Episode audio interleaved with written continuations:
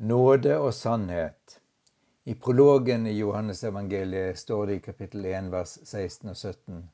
Av Hans, dvs. Si Jesu nåde, har vi alle fått. Nåde over nåde.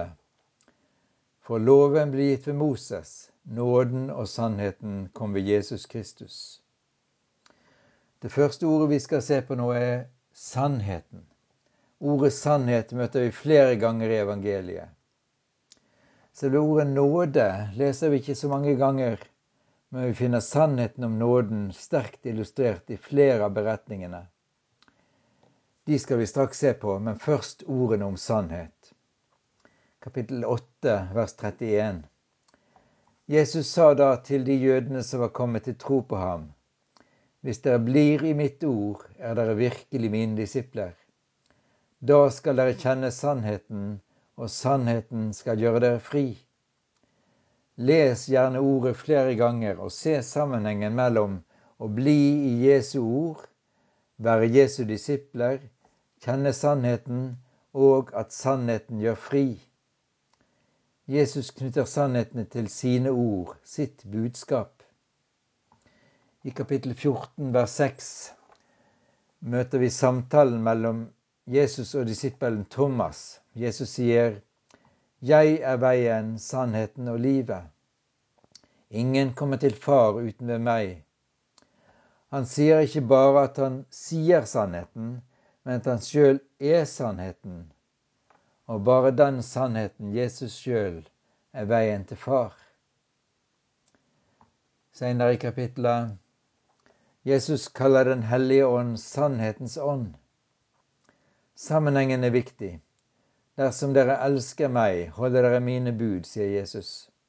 Og jeg vil be Far, og han skal gi dere en annen talsmann, gresk parakletos, som skal være hos dere for alltid. Sannhetens ånd som verden ikke kan ta imot. Den hellige ånd sier alltid nøyaktig det samme som Jesus. Han er Jesu og Fars representant. Den første setningen 'Dersom dere elsker meg, holder dere mine bud' gjentas to ganger i dette avsnittet. Slik lyder det. Den som kjenner mine bud og holder dem, han er den som elsker meg. Vers 21. Og så føyer Jesus til. Den som elsker meg, skal min far elske. Like etterpå gjentar Jesus. Den som elsker meg, vil holde fast på mitt ord og min far skal elske ham, og vi skal bo hos ham. Og så kommer motsatsen, vers 24. Den som ikke elsker meg, holder ikke fast på mine ord. Altså, det går ikke an å hevde at en elsker Jesus hvis en samtidig vil holde fast på noe i lære og liv som strider mot hans ord. Kjærligheten til Jesus kjennetegnes av lydighet mot hans ord, ikke en kald rettroenhet, men et varmt hjerteforhold. Hvordan kan vi vite at vi har sannhetens ord? Jesus svarer, talsmann Den hellige ånd, som en far skal sende i mitt navn, skal lære dere alt jeg har sagt dere. Så til sist i evangeliet skriver Johannes kapittel 21. Det er denne disippelen som vitner om alt dette, og som har skrevet dette og vi vet at hans vitnesbyrd er sant. Hvis ikke Johannes evangeliet fortalte sannheten, hvis ikke alle, alle evangeliene fortalte sannheten, hvis ikke Det nye testamentet og hele Bibelen fortalte sannheten, så måtte vi forkaste dem, ja, brenne dem. Johannes er klar over det. Alle forfatterne og vitnene i Det nye testamentet er klar over det. Derfor, hvis de kan bli tatt i løgn eller forfalskning, så faller hele Det nye testamentets budskap sammen. Men de er overbevist om at det de forteller om Jesus og alt det de skriver, kan bestå enhver prøve.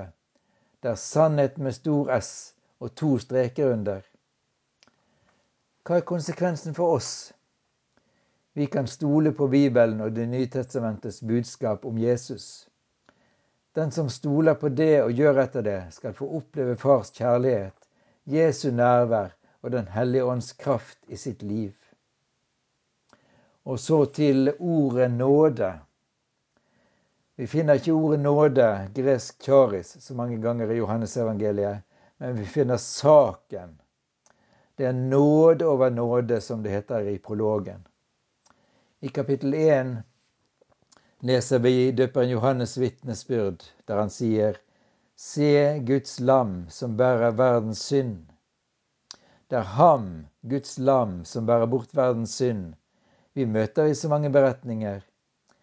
Vi møter han når han sier til de første disiplene, Kom og se, og følg meg. Han krever ikke noe av dem, som, dem før de kan få være sammen med han, Guds hellige sønn. Det er ham verdens frelser Nikodemus møter, kapittel 3, og få høre at Gud elsker verden så høyt at hvis du tror på Jesus, så blir du frelst. Du kommer ikke for dommen, men har allerede evig liv der ham den samaritanske kvinnen fra Syker møter ved brønnen, kapittel 4. Jesus forteller henne på en nådefull måte sannheten om hennes miserable liv. Men han dømmer henne ikke. I stedet tilbyr han henne noe som kan fylle alle hennes lengsler. Der ham den syke ved Betestadammen, kapittel 5, møter. Han hadde vært syk i 38 år. Og alle disse årene hadde han strevd med å bli frisk. I møte med Jesus treffer Guds nåde ham. Han trenger ikke å gjøre noe for å bli frisk. Jesus sier, 'Stå opp, ta båren din og gå'. Straks blir mannen frisk. For et nådeøyeblikk. Jesus sier om denne hendelsen, 'Den som hører mitt ord og tror på Han som har sendt meg, har evig liv og kommer ikke for dommen, men er gått over fra døden til livet. For et nådebudskap. En kvinne var grepet i ekteskapsbrudd, og de selvrettferdige religiøse lederne førte henne framfor Jesus for å oppnå to ting. Å få henne dømt av Jesus, og for å sette Jesus i en klemme. Det fortelles i kapittel 8. Men samtidig som sannheten om kvinnen er åpenbar, avslører Jesus også sannheten om fariseerne og de skriftlærde. Det var ikke en av dem som var uten synd. Den skyldige kvinnen som fariseerne og de skriftlærde ville dømme, står alene tilbake sammen med Jesus. Og han sier, 'Heller ikke jeg fordømmer deg'. Det er den første delen av nåden. Den andre delen av nåden er at Jesus sier, 'Gå bort og synd ikke mer'. Den kjærligheten og nåden Jesu evangelium gir, tar bort lysten til å synde. Synd byr oss imot. Kjærligheten fra Jesus er så sterk at vi må elske Jesus tilbake over alle ting. En mann var født blind, står det i kapittel 9. Folk, dvs. Si de friske, snakket om han og sa, var det han eller hans foreldre som var skyld i en slik skjebne? Da Jesus møtte den blinde, sa han om seg sjøl, jeg er verdens lys. Og så helbredet han den blinde så han kunne få se lyset. Han kunne se Jesus. Han fikk både åndelig og fysisk syn. Jesus krevde ingenting av den blinde, verken før eller etter helbredelsen. De religiøse lederne bestemte at den helbredede mannen skulle utstøtes av synagogen fordi han bekjente at Jesus var Messias. Men Jesus inkluderte ham i Guds rike. Det er nåde. Det var Maria, søsteren til Lasarus, som salvet Jesu føtter med den mest kostbare salven, kapittel 12. Hun hadde opplevd Jesu nåde da han reiste den døde broren hennes opp fra de døde. Responsen på denne nådehandlingen kunne ikke bli noe annet enn det mest dyrebare hun eide. Jesus måtte få alt, for Maria hadde fått alt gratis fra han. Under påskemåltidet begynte Jesus å vaske disiplenes føtter, står det i kapittel 13. Den jobben tilhørte egentlig den laveste tjeneren eller trellen, på gresk dulos, i huset. Peter vet hvem Jesus er, nemlig Messiaskongen og Guds sønn. Derfor er det ikke rart at han sier at det var han, Peter, som burde ha vasket Jesu føtter. Men Jesus forklarer hvorfor han vasker disiplenes føtter. Han vil tjene dem til det ytterste, helt til døden. Det er nåde.